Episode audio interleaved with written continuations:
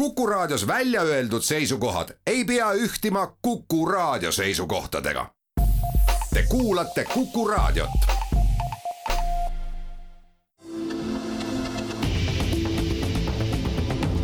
kahevahel. kahevahel, valimisstuudio. kahevahel reede keskpäev ja vestlussaate Kahe vahel aeg, ajakirjanikud Ainar Ruussaar ja Timo Tarve alustamas saadet, mis on juba viimaseid nädalaid pühendatud valimistele. ja tänane saade räägib eelkõige maaelust ja põllumajandusest, Kuku raadio otsestuudios on Riigikogu Isamaa fraktsiooni liige Heiki Hepner, Heiki Hepner on olnud Kohila vallavanem, omab metsanduse magistrikraadi, olnud Metsaseltsi president ja tegelikult kogu oma elu sidunud enne poliitikasse siirdumisega, siirdumist metsandusega rohkem või vähem, eks ole tere, nii on. ja teine külaline, Reformierakonda kuuluv maaeluminister Urmas Kruuse, on olnud ka tervise- ja tööminister, on olnud Tartu linnapea ja Elva linnapea, tere! tere päevast! härrased, ma pean tunnistama, et täna hommikul ma jätsin kaalutletud otsuse tagajärjel peekoni võileivad tööle kaasa tegemata. lihtsalt eile tabas meid kõiki nii ootamatult sealiha hinna uudis. see on teinud maailmaturul järsu kerkimise ja nüüd küsimus teile, kas see meie seakasvatajatele ja töötlejatele on ta hea uudis? ma arvan kindlasti sellepärast, et äh, kui me räägime puhtalt töötlejatest ja, ja kasvatajatest, ja kasvatajatest äh, sõna otseses mõttes, siis äh, kindlasti tekib meil suurem võimalus teenida tasa seda, mida nad on pika perioodi jooksul kaotanud. kui me seakasvatust vaatame ja dünaamikat, et tõepoolest täna käis läbi nõndanimetatud Saksamaa hind mingi kaks kakskümmend pluss-miinus, mäletame, hindasid oli üks kakskümmend ja, ja tegelikult äh, nad ei tulnud ots otsaga kokku ja, ja, ja seal oli ka see koht, kus ju äh, riik äh, valitsuste näol ju üritas ju neid ka läbi erakorraliste toetuste aidata selleks, et need rasked ajad üle elada. mis see vastulöök võib olla, on ju tegelikult see, mida kaubandus räägib, et kui hinnad lähevad äh, teatud mõttes üle valu läbi, siis võib väheneda ka seesama nõndanimetatud tarbimine. see aga tegelikult toimub see koosmõjus, sest vahepeal lähtuvalt Hiina turu ärakukkumisest olid ju tootmised äh, üle forsseeritud. ja, ja noh, lisaks võiks ju ütelda, et tegelikult tõesti ju äh, sigade arv on ka meil ju viimastel aastatel tegelikult ju tänu sellele, et hind oli nii madalal, ka vast võib-olla kõige rohkemgi kokku tõmbunud, et et ta oli äh, tõsise surve all ja, ja noh, eks nüüd hakataksegi otsima seda tasakaalumomenti äh, tavatarbija ja tootja vahel kuidas pagan sa selle tasakaalu leiad, et vot õudselt äh, lahe on alati poliitikuid kuulata, et me otsime tasakaalupunkti, no seletage ära, mida see tähendab. noh, iseenesest on see ju selles mõttes suhteliselt äh, lihtne majanduses nii on, et, et äh, tootja noh mina toot... ei jõua, mina ei taha rohkem maksta. ja, ja, ja, ja, ja ega ei noh, praegust ju, kui me võtamegi tagasi nüüd seakasvatus on mõnes mõttes väga hea näide, et äh, tõesti, hinnad olid maas Äh, tõmmati tootmist maha ja prooviti seda asendada siis importsealihaga, ega siis me ju ei loobunud sealihast. Äh, nüüd, kus siis äh, hinnad on tõusmas, loomulikult tarbija võib-olla noh, nii nagu siin Timogi ütles, et jätab peekoni ostmata, täna jättis ostmata, homme juba tegelikult võib-olla enam ei jäta ja, ja, ja noh, natukene kosuvad tootjad Äh, saavad rohkem oma, oma toodangu eest. Ja eks muidugi tarbija peab ka mõtlema nüüd, äh, kui palju ta saab välja käia, et see on muuseas tõsine küsimus, mitte ainult äh, Äh, sealiha puhul, vaid kogu toiduainete hindade puhul, mis on kasvanud. no sealiha puhul ei tohi, tohi muidugi ära unustada seda, et kui me vaatame Euroopa tarbimist laiemalt ja seal eestlasi, siis no me oleme selgelt üle Euroopa keskmise lihatarbijad, millest pool moodustab sealiha. mis tähendab seda, et meil on teatud mõttes siin piirkonnas selline surve loomulikule tarbimisele, aga tõsi on see, et see tasakaalupunkt tähendabki tegelikult seda,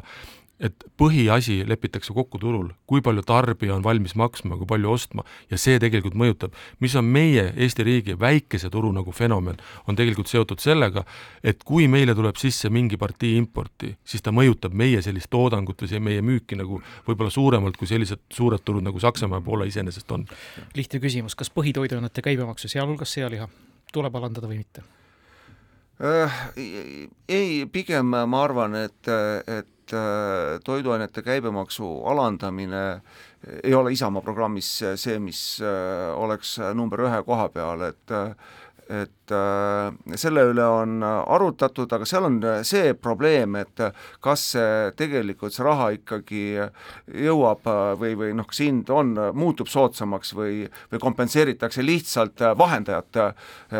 kaubandust või, või noh, et ja, ja pigem me kipume kalduma arvama seda, et, et see raha ei jõua tarbijani no mina pean siin järjekindel olema, et äh, me oleme Reformierakonnaga kogu aeg seda seisukohta väljendanud, meil on selged argumendid, seda tõendab ka äh, selles mõttes statistika, võtame kas või Ungari näite, kus äh, toiduainete inflatsioon on, oli natuke alla viiekümne protsendi, muu inflatsioon samamoodi, suur üritati kehtestada teatud riiklikke hindu ja, ja, ja tegelikult turul võistlevad ju netohinnad, see netohinnad tähendab seda, et kui meile tuleb importtooda sisse, siis talle kohaldub ju tegelikult samasugune käibemaks, nagu meil riigis kehtib, nii et me ei näe seal seda fenomeni, fenomeni, teiseks on see, et kui me võtame, jah, meil on siit lätlastest räägitud ja, ja, ja juurviljadest mingil hetkel, siis need uuringud ükski ei ole ära tõendanud, et, et, et see oleks jõudnud tarbija kätte kuidagi, see soodne hind, ja, ja teine on see, et meie ettevõtjate ja inimeste maksukäitumine võrreldes ükskõik millise teise riigiga on ikkagi üsna positiivne. see üsna positiivne tähendab seda, et pigem võib öelda, et eeskujulik, mis tähendab seda,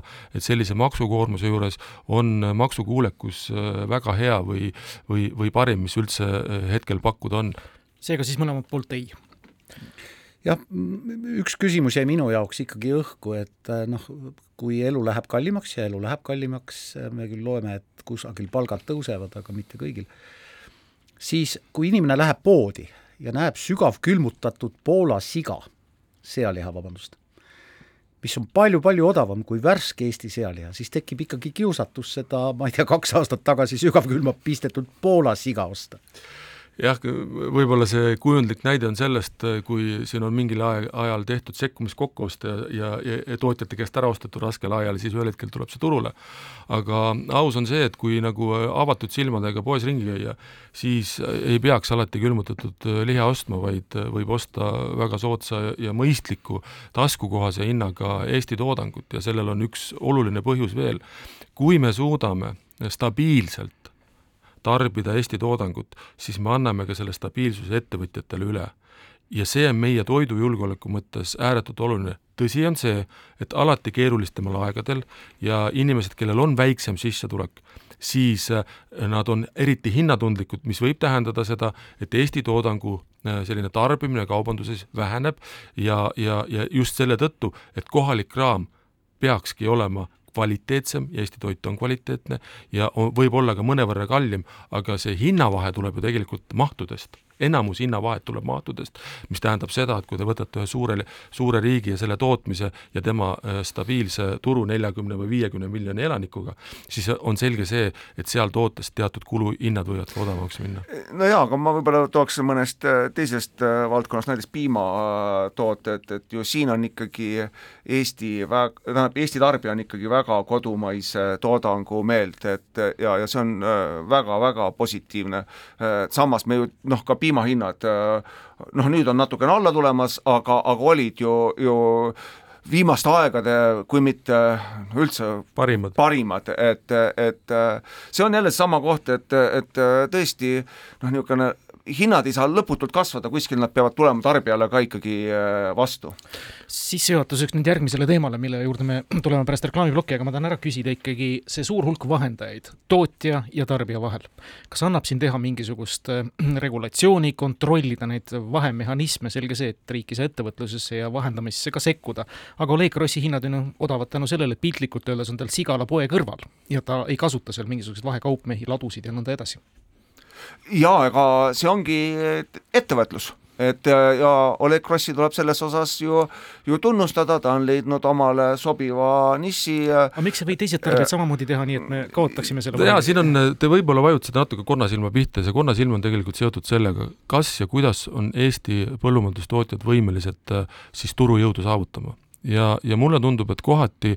on seal probleem selles, et ei suudeta leida ühistegevuse sellist vormi, mille kaudu seda nagu saavutada, kaasa arvatud kaubandusläbirääkimistel. kuigi ka seadustandlust on muudetud selleks, et ebaõiglast kaubandusvõtteid tegelikult ei oleks. aga kui te panite tähele, siis Maak Grupp on ju ostmas teatud suurt äh, toiduainetööstust äh, ja, ja kaasa arvatud äh, tööstust, mis tegeleb ka seakasvatusega, et ma arvan, et neid samme tuleb tulevikus veel, kus üritatakse oma turujõudu kindlasti suurendada läbi selle, et olla ka parem läbirääkija nüüd siinkohal pausile ja siis jätkame juba debatti ja peatume lähemalt toidujulgeolekul.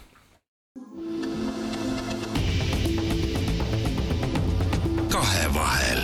kahevahel, valimisstuudio. Kahevahel kahevahel valimisstuudio, küsivad Ainar Ruussaar ja Timo Tarve, küsimustele vastavad ja loodetavasti varsti ka vaidlevad Isamaa fraktsiooni liige, Riigikogust Heiki Hepner ja Reformierakonda kuuluv maaeluminister Urmas Kruuse.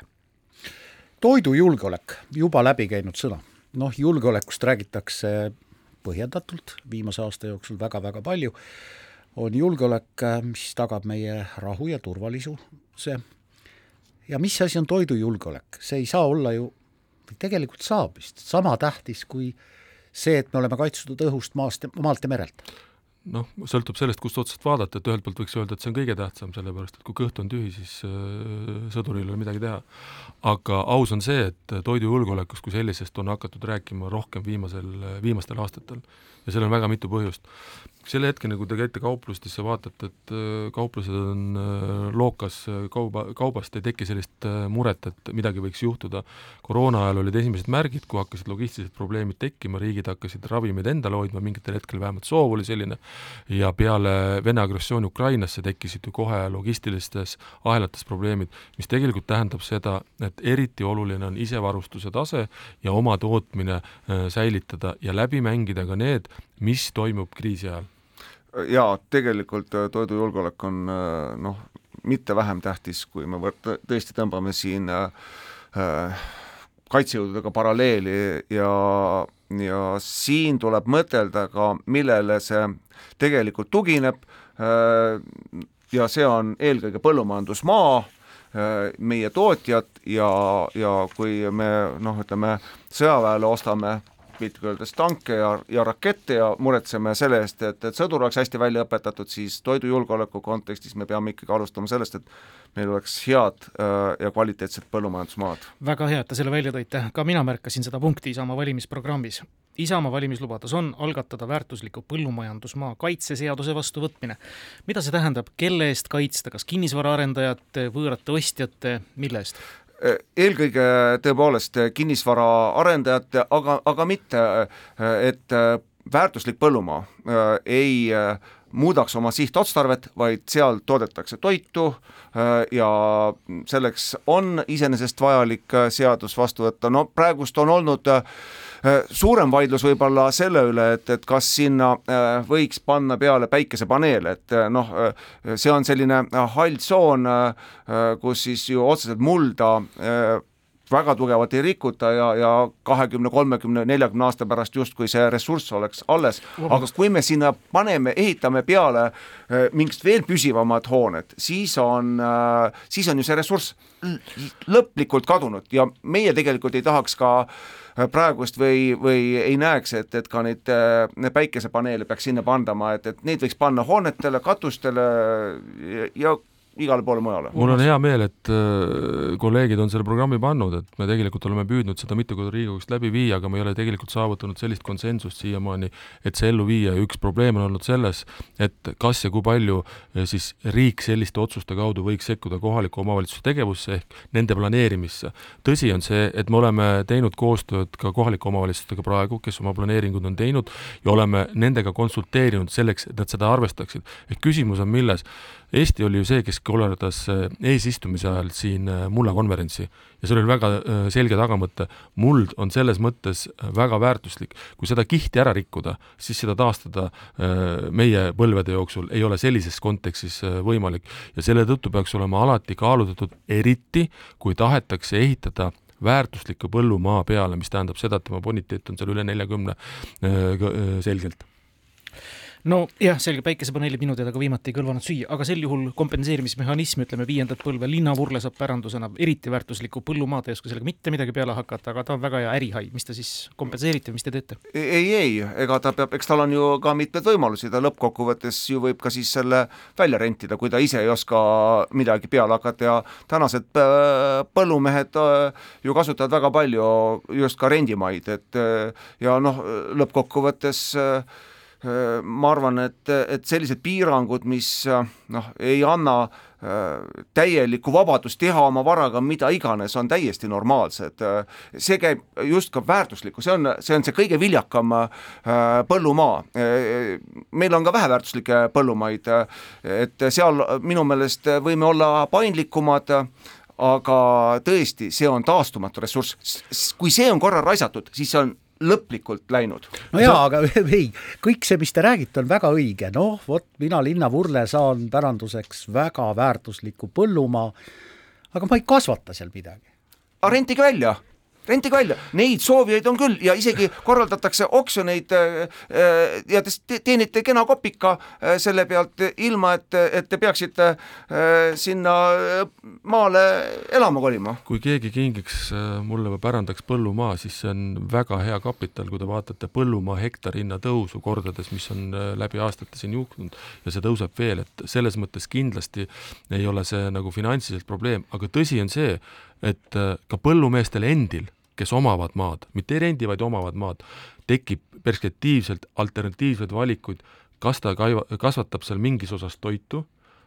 loob elektrienergiapargi ja turvalisuse nii endale või võrku, seal on palju nüansse, aga meil on ju mujal maailma kogemust, et tegelikult saab kasvatada nii lambaid, panna peale päikesepargi ja, ja, ja luua selliseid äh, unikaalseid lahendusi. no päris iga aasta, nii palju ma põllumajandusest tean, ühte sama vilja ja kultuuri ei saa ikka aastaid lapi peal kasvatada, nii et vahepeal tuleb talle hingamisruumi ka anda. üks Reformierakonna lubadus ka ja me oleme võrdselt siin need välja noppinud, hindade volatiilsusega kaasnevate sissetulekute riskide ja kliimamuutustega kaasnevate tootmisriskide maandamisega vältimiseks arendame välja tervikliku riskijuhtimise süsteemi ja pakume põllumeestele riskijuhtimismeetmeid.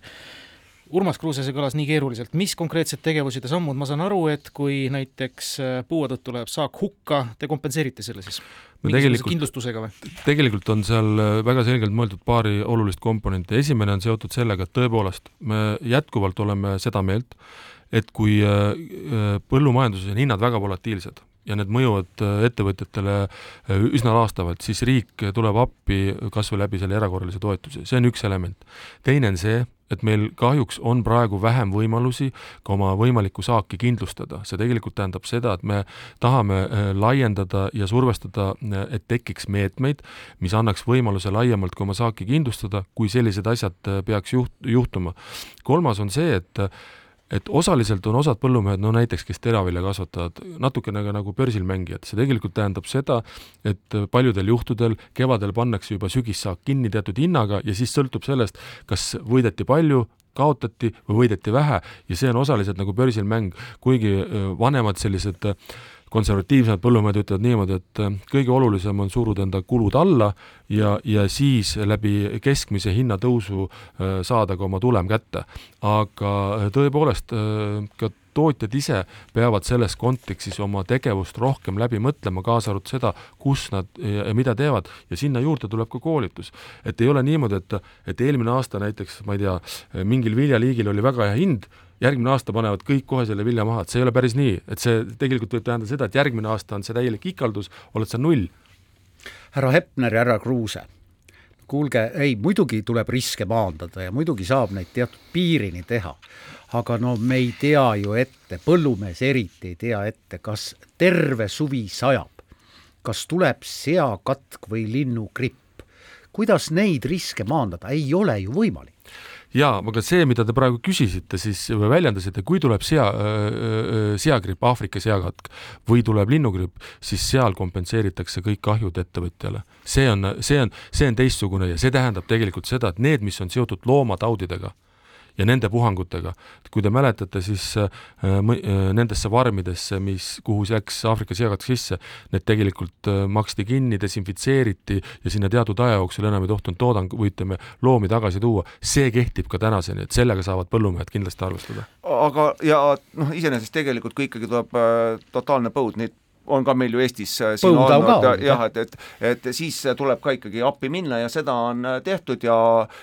noh, Isamaa ütleb küll, et, et seda praktikat me peame igal juhul jätkama, et me ei jäta siis äh, lõplikult äh, põllumeest räästa alla. seda, seda kindlasti mitte. jaa, aga aus on ka see, et kui te vaatate meie väikest Eestimaad, siis isegi ilmastik e-, su ühel suvel on erinev, see, mis tähendab seda, et kuskil Eestimaa nurgas võib olla tõesti põud, aga teisel pool ei ole seda põuda ja on normaalne saak, nii et see ongi selline ka fokusseeritum lähenemine. Ma ei saa küsimata jätta, noh, palju polegi enam aega jäänud jaanipäevani, loodame, et see tuleb üsna ruttu kätte, kes on need, kes teie nägemuses ja silmis korjaksid hästi mõistliku hinnaga meie põldudelt ees seisva jaanipäeva eel maasikaid. on need eestlased, on need ukrainlased, mis tasu eest? Need on kindlasti nii eestlased kui ukrainlased ja ilmselt ka eh, võib-olla mõne teise riigi kodanikud, aga ma saan aru sellest viitest, et äh, teatud põllumajandussektoril on probleem, eriti hooajatöödega ja kahjuks või, või siis teistpidi ka selliseks lohutuseks on see, et see ei ole Eesti probleem, see on kogu Euroopa ja põllumajandussektori probleem, et hooajatööle tuleb järjest vähem inimesi, mis tähendab seda, et teatud sektorites, kus on ka vähem mehhaniseeritust, tuleb veel leida lahendusi, kuidas sellega hakkama saada, aga see ei ole lihtne, see on aus. ehk mida me saame tegelikult teha, on see, et me ei hakka kunstlikult takistama tööjõu liikumist selleks, et ettevõtlus äh, ära survestada. Isamaa arvamus? jaa, aga praegust tänane seadusandlus ka võimaldab äh, lühiajalist äh, tööd pakkuda ja ei ole nagu probleemi äh,, siin on nad siis tõesti Ukrainast või kuskilt ka kolmandast riigist tulnud äh,, ma, ma rõhutan, lühiajalist, tänane seadusandlus on selle peale mõtelnud, me ei saa nüüd äh, seda ma julgen küll väita, et me ei saa nüüd rohkem äh, äh, mingisugust ekstra meetmeid hakata rakendama, et, et toome spetsiaalselt kuskilt äh, kunstlikult siia maasikakorjajaid või, või, või kartulivõtjaid, et, et noh, seadusandlus on raami loonud ja, ja ma arvan, et meie ettevõtjad on piisavalt nutikad ja leiavad selle, kuigi ma olen ka äh, hea, hea Urmasega nõus, et, et see ei ole väga lihtne. Lähme siinkohal jälle väikesele pausile ja siis jätkame meile väga olulisel toidu ja põllumajanduse teemal. kahevahel kahevahel, valimisstuudio Kahevahel. ajakirjanikud Timo Tarve, Ainar Ruussaar jätkamas vestlussaadet Kahevahel ja meie vahel Kuku raadio otsestuudios on täna reformierakondlane maaeluminister Urmas Kruuse ja Riigikogu Isamaa fraktsiooni liige Heiki Hepner. kuulge, ma olen täiesti siiras. mina ei saa päris hästi aru, kus tõmmata piir maheda ja mitte maheda vahele mahedast muusikast me saame aru. jah. see ei ole väga keeruline, see tegelikult tähendab seda, et on olemas teatud reeglid, mida sa maheda kasvatamisel võid kasutada, mida sa ei või. ennekõike mõeldakse siin taimekaitsevahendeid ja erinevaid väetisetüüpe ja, ja Eesti on mahemaalt ju tegelikult Euroopa esimese kolme hulgas, mis on ühelt poolt äh, tore saavutus ja, ja, ja, ja ka mõjutab meie sellist keskkonda positiivses mõttes teiselt poolt on see mure selles, et me ei saa sealt praegu nii palju seda toodangut, mida meie kohalik inimene võiks veel tarbida ja ja, ja ka mahevilja puhul on see ekspordi osakaal hästi suur, aga me näeme selgelt temas potentsiaali ühte osa tervest põllumajandusest ja selle tõttu ei ole mina see inimene, kes vastandaks sellist, ähm, nimetame siis sellist klassikalist põllumajandust või, või, või äh, suurtootmist ja, ja seal on üks oluline asi veel, et kui me vaatame nendes ähm, arvudes, siis Eesti on viie puhtama toidu hulgas äh, raudselt, seal ei ole mingit küsimust. no milleski jõutud viie parema hulka, jah. ja no jah, ütleme, et see mahe, mahetootmine on äh, säästva äh, põllumajanduse üks äh, selline oluline komponent. Ja Eestis on äh, kuskil paarkümmend äh, protsenti või natukene peale põllumaast mahe ja, ja seal on üks probleem on, et, et meie tõesti, või õigemini kaks probleemi on, et, et me ei suuda väärindada veel piisavalt seda mahetoodangut, ta läheb teinekord äh, tavatoodanguga kokku ja kaotab oma selle niinimetatud puhta sertifikaadi ja, ja teine nagu selline probleem on, et, et need äh, saagikused noh, ongi piisavalt madalad ja seal tekib see maksujõulisus, et kas tarbija suudab äh, nii palju osta, kui ta tegelikult võib-olla tahaks. vot just kaks tarka poliitikut küsimus, et kas mahe on kallim kui mittemahe või poolmahe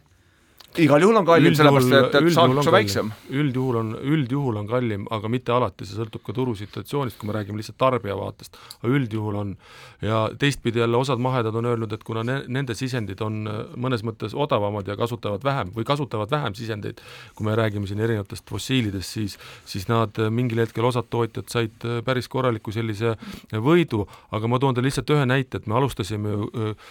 koole ja lasteaedu toetama siis nõnda nõndanimetatud äh, mahetoidu propageerimisel, et kui nad saavutavad vähemalt kakskümmend protsenti menüüst äh, siis mahetoitu, siis selle lühikese ajaga, mis me selle projekti avasime, on nende koolide asutuste arv kahekordistunud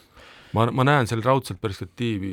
Tartu ja, ja siin mõned teised Lõuna-Eesti linnad on muidugi selles esirinnas olnud, aga ma näen seal kindlasti perspektiivi, võimalust ja vajadust. kes selle kinni maksab, omavalitsus? See, see on niimoodi, et meie ka äh, igat koolilõunat äh, õpilase kohta tegelikult toetame, aga koolilõuna puhul tuleb öelda kindlasti seda, et kui me tahame pakkuda kvaliteetset kohalikku toitu, ja me oma hangetes tulevikus peame rohkem leidma võimalusi, kuidas lähipiirkonna toit jõuab selle lauale, siis on ainukene võimalus koostöös riigi, lapsevanema ja kohaliku omavalitsusega leida need rahalised võimalused. see tähendab, et koolitoidu hind kasvab? ei, see ei tähenda seda paljud on pakkunud äh, suhteliselt sama hinnaga äh, seda mahedat osaliselt, äh, mis teised pakuvad lihtsalt tavalist. Jaa, ja ma tegelikult laiendaks, et Isamaa näeb siin veel mitte ainult koolile, vaid ka tegelikult lasteaedu. Ja, ja ja me oleme oma ka programmi pannud ka meie Kaitseväe ja just sel samal põhjusel, et ka tekiks turgu. siin on mahetoodangul on ka see teine, teine pudelikael on see, et et ka see nõudluse poole, et, et oleks põllumehel põhjust äh, sellega tegeleda, et ta saaks äh, mahtu, sellega saaks keskmist hinda alla, kui tekib mahtu ja, ja võidavad sel juhul mõlemad riskid on ka suuremad, sest et noh, kahjurid, asjad, mis Nõus. asjad, kõik iganes, no ma usun, et te olete programmis ette näinud vastavad kompensatsioonimeetmed, mul on see küsimus, vabandust, see nüüd laieneb tegelikult mitte ainult mahetoodangu kontrollimisele, aga noh, laiemalt võttes no iga, igasuvine probleem, on nad siis tegelikult Poola või Eesti maasikad, ühesõnaga, kas PTA-l on piisavalt pädevust, ressurssi, kas te näete võimalusi ette rohkem kontrollida, kas mahe on ikka mahe? ma võin teile tunnistada, et üle keskmise Balti jaama turukülastajana ma seal muud silte ei näegi kui ainult mahe, koos vastava hinnalipikuga muidugi. no tegelikult on niimoodi, et äh, nendel vetturitel läheb ikkagi elu siin üsna kibedaks ja läheb selle tõttu, et PTA on tegelikult äh,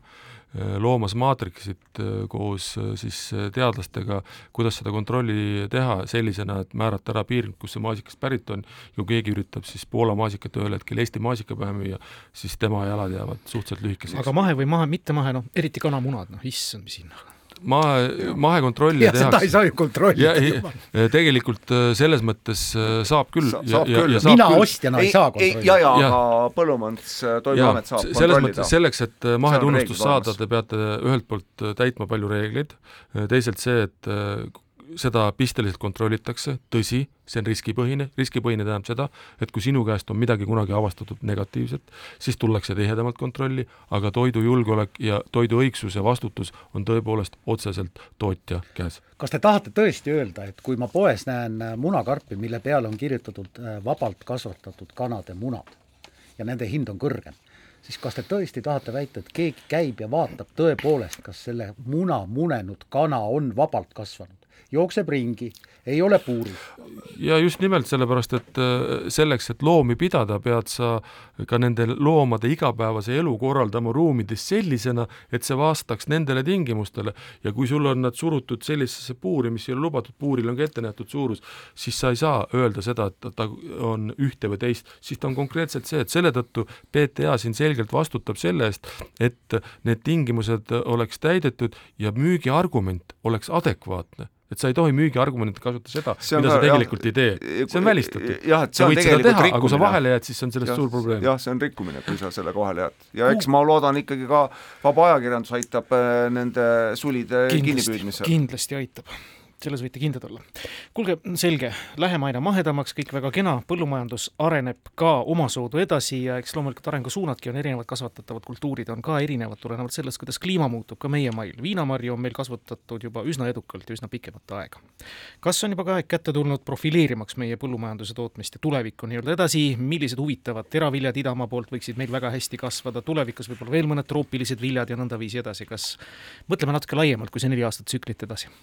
Jah, siin kindlasti tuleb mõelda selle peale, et kas me räägime sellisest nišist sõna otseses mõttes või räägime Aga... suurest võimekusest. kino puhul räägitakse suurt tulevikku. jaa, kindlasti, tegelikult äh, on üks oluline asi see, et meie sordiaretajad tegeleksid äh, selliste sortidega, mis siin konkreetsel maalapil oleks vastupidavad, mis ei välista seda, et olen isegi külastanud Eestis äh, viinamarja istanduses, millest tehakse täiesti mõistlikku ja mahedat veini sõna otseses mõttes.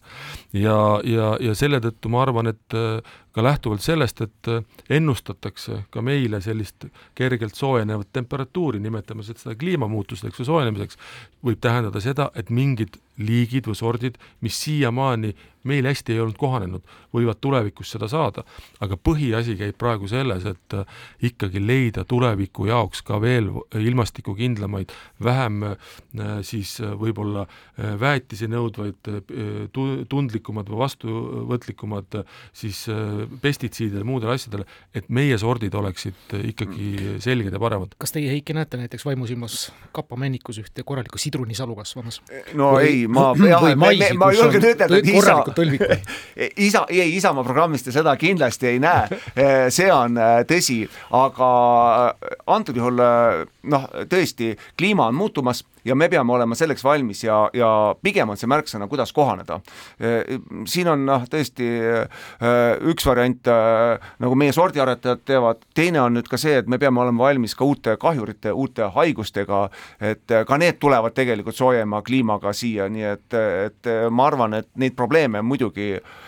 kasvavad võimalused, aga tulevad ka täiendavad mured ja aus on see, et needsamad kasvatajad, kes on täna võimelised näiteks viinamarju kasvatama, nad on pidanud pikka aega tegema väga palju tööd selleks, et leida neid sorte, mis siia täpselt meie kliimasse ka sobiksid ja oleksid vastupidavad ja lõpuks äh, oleksid ka sellise maitsega, mida tarbija tahab osta. kuulajale küll teadmiseks, et lähima aastakümne jooksul ilmselt ei ole mõtet banaanipuud enda aeda istutada, et nii soojaks see kliima loodetavasti ei lähe, aga härra Kruuse Te olete ajakirjandusele kirjeldanud ühte oma unenägu. Eesti toode on puhtam, odavam ja selle tootmine ei kahjusta meie looduse tasakaalu. millal see teie unenägu täide võiks minna? see ei ole unenägu, see on, see on hoiak, rea-, reaalsus ja eesmärk. ei, kindlasti mitte. kindlasti mitte, sellepärast et et me hakkame seda alles nagu tundma, kui me vaatame erinevaid logistikaid, siis fakt on nagu see, et mingile, mingil hetkel, kui me vaatame meie Euroopa Liitu ja, ja vaatame ka seda, et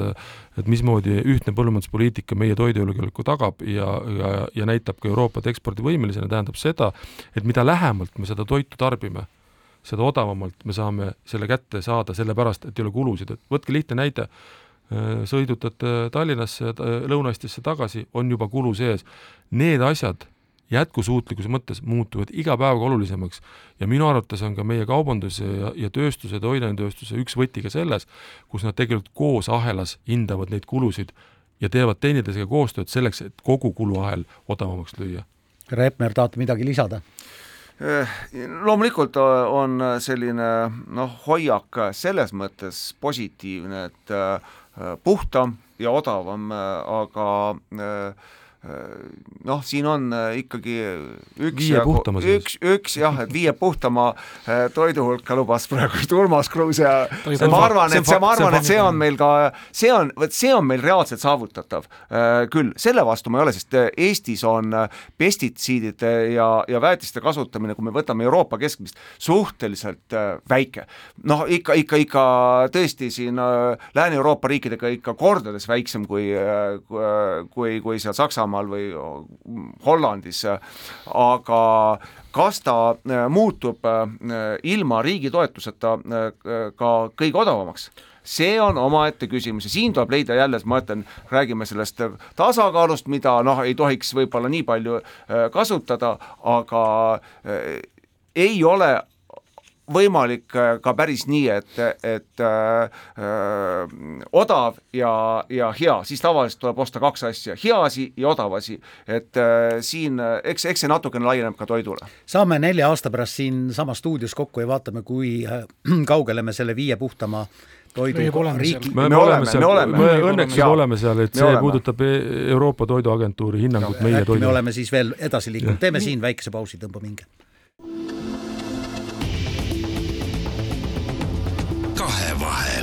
kahevahel, valimisstuudio.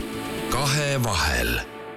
Kahe vahel valimisstuudio oma viimases veerandis Ainar Ruussaar ja Timo Tarve on võõrustamas reformierakondlasest maaeluministrit Urmas Kruuset ja Isamaa erakonda kuuluvat Riigikogu liiget Heiki Hepnerit. põllumajandus on küll hästi armas ja oluline asi, mis teemadel võiks kohe pikemalt siin peatuda, aga me peame rääkima ka natukene maaelust ja tulevikust, kuivõrd see käib lahutamatult põllumajandusega kokku. no me teame, et pärast seda, kui Laar põllumajanduse hävitas, nagu öeldakse, on elanike arv maal muidugi järjepidevalt ja suure kiirusega vähenenud. mida nüüd maaelu arendamisel järgmisel neljal aastal esimesena tuleks ette võtta, kuidas leida uut hingamist, uut põlvkonda põllumehi maad harima ja seeläbi siis ka julgeolekut tagama. Äh, jah, ma võib-olla siis haaran äh, jutu ja kohe üle, et, äh, et äh, siin on äh, võib-olla kõige olulisem ikkagi töökohad, mis, kui on maal tööd, on ta siis põllumajandus või mõnes muus valdkonnas, küllap siis inimesi ka on. teine, mis on hästi oluline ja kuhu tuleks igal juhul rohkem panna äh, raha äh, ka järgnevatel aastatel, on äh, kommunikatsioonid. Äh,, teed Need ei ole ainult kaks pluss kaks maanteed, maainimene peab lõpuks saama ka selle kaks pluss kahele. Ja, ja kui siin rääkida äh, Äh, millele võib-olla selle aasta riigieelarvele ette heita, meenutan, et äh, see oli unikaalne riigieelarve, kus vastuhääli praktiliselt ei olnud, siis äh, teedesse mineva raha osas olin mina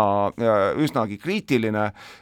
vajavad kruusateede mustkatte alla viimised, vajab kiire internet, vajavad ka riigi tugimaanteed suuremat rahastust ja loomulikult kolmas vundament, need on nagu kolm sammast, on äh, meie haridusasutused, head koolid, lasteaiad ja uskuge, siis tegelikult ka see maaelu püsib. Noh, tavaliselt äh, mõnes seltskonnas visatakse nalja, et maal saavad elada ainult rikkad ja tugevad inimesed. päris nii see tegelikult ei ole ja, ja, ja kui me vaatame ka meie siis, mida me Maaeluministeeriumis teeme, üks osa sellest on ju see, et need toetused, ka maaelutoetused on mõeldud selle jaoks, et oleks teatud töökohad see on ju selge. ja see üks kesk, vähemalt kuidas see oli, et ühes suitsus peaks olema vähemalt üks keskmise sissetuleku töökoht, see, see ei ole kuhugi kadunud ja see on tegelikult aidanud ka luua ja ma olen sellega nõus, et maaelu on ju laiem kui ainult põllumajandus. kui me vaatame ettevõtlust laiemalt ja selle tõttu on meil eraldi ka maaelutoetused, kaasatud liiderprogrammid, mille kaudu väikeettevõtlus on saanud päris palju äh, positiivset tuge, mis on nagu statistiliselt positiivne, on ju tegelikult see, et äh, maapiirkonnas siis sünnituseas olevaid naisi on kakskümmend kuus protsenti aga seal sü-, äh, sündinud lastest on see kolmkümmend protsenti, mis näitab seda, et maapiirkonnas sünnib lapsi tegelikult äh, sellest äh, rohkem võrreldes sellega, kui palju seal nagu inimesi on, ja see tegelikult tähendab seda, et need teenused, mis seal pakutakse ja siin on tegelikult kohalikul omavalitsusel väga suur roll, kuidas ta suudab integreerida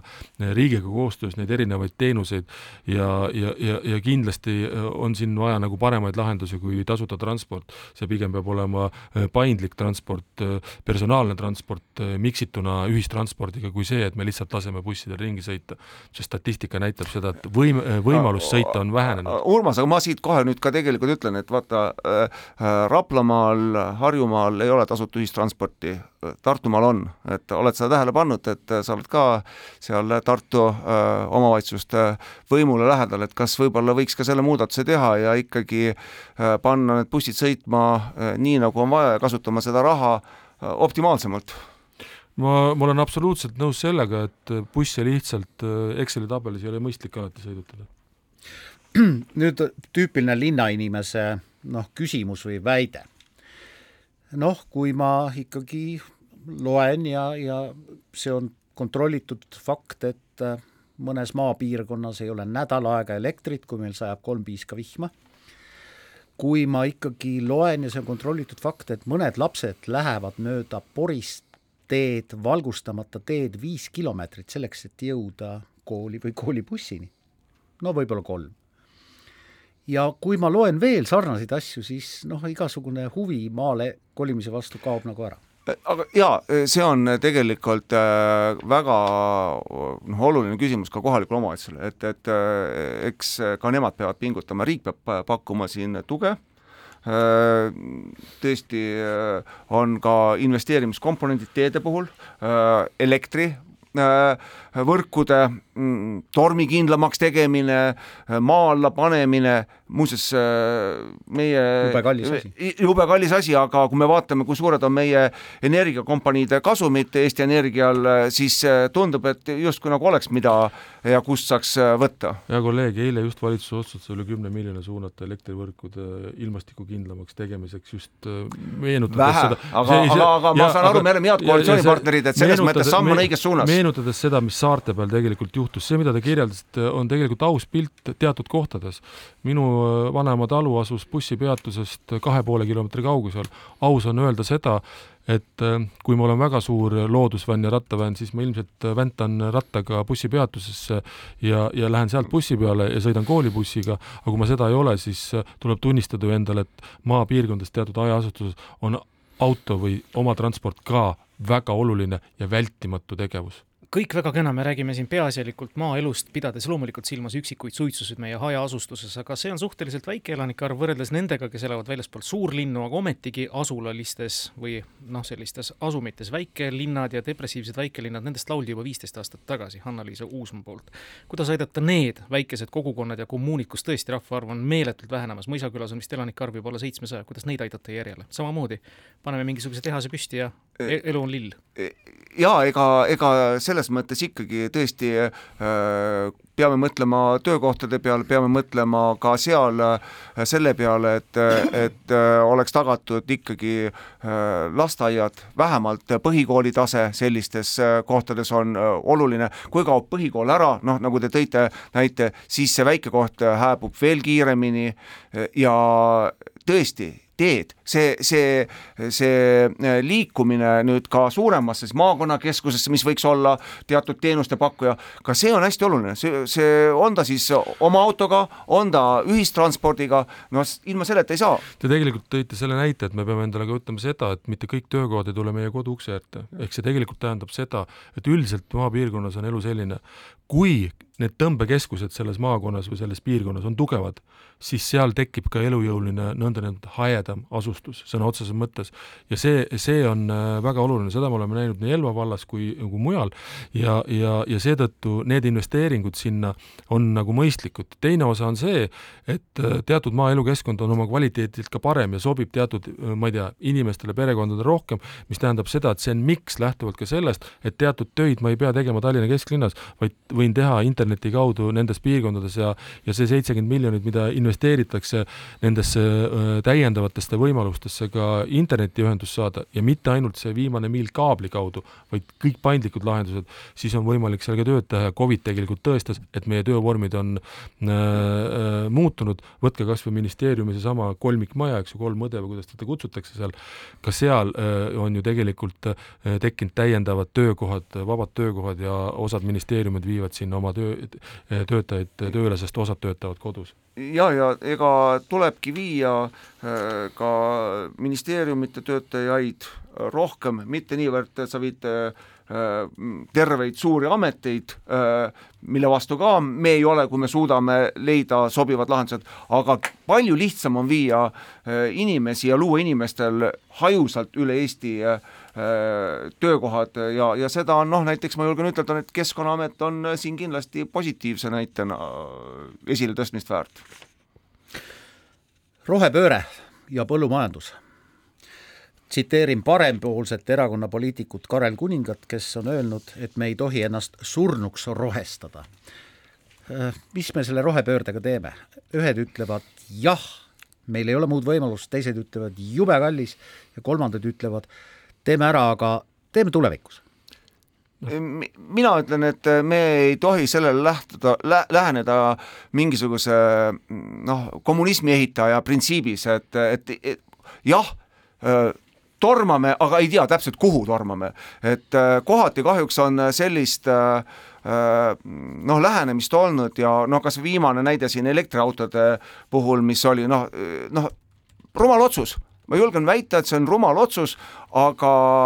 see ei tähenda, et ma näiteks elektriautosid eitaks, aga me ei saavuta seda sellises tempos.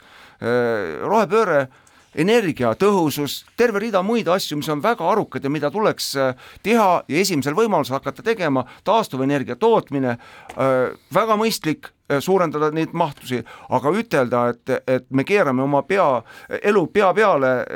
no ei ole mõistlik. no minu arvates on tegemist ju tegelikult tööstusrevolutsiooniga ja me oleme seda ajaloos näinud, mis sellel hetkel tekib, ühel hetkel tekib šokk, kaos, ebameeldiv seisund ja siis hakkavad kõik jooksma. tegelikult ühelt poolt need asjad on ette võetud selleks, et meie keskkonnad oleks jätkusuutlikud, kaasa arvatud Eesti. ehk me peame jätkusuutlikult toimetama. võtame sellesama toidu, kui kolmkümmend protsenti toitu ära raisatakse, siis ei saa ju intensiivitada toidu tootmist, vaid peab ennem tegelema sellega, mis saab nendest asjadest, aga ma olen siin kolleegiga selles osas nõus, et, et mina arvan isiklikult seda, et, et mingid otsused võetakse lihtsalt, kui need ei, ei realiseeru siis seal on paindlikkus selles mõttes olemas, et siis antakse kas leevendusaega või vaadatakse ümber, aga ärge alahinnake meie ettevõtjate innovatsiooni ja teadlaste soovi saada rohkem teada selleks, et kõik need eesmärgid selles mõttes ellu viia, aga see ei ole lihtne, sellega ma olen nõus, aga see on pigem väljakutse ärge üle, ülehinnake ka meie kaupmeeste nii-öelda empaatiavõimet, ma lihtsalt jäin praegu võrdlema, kui palju maksab Rimis või Selveris praegu sealiha kilo ja võrdlen selle baashinnaga kaks kakskümmend kaheksa, juuksed tõusevad püsti. aga see selleks, kui me sealisest alustasime, sellega ka lõpetame, aitäh teile, Urmas! aitäh, Heiki, täna saatesse tulemast, edu, jõudu teile valimistel! aitäh!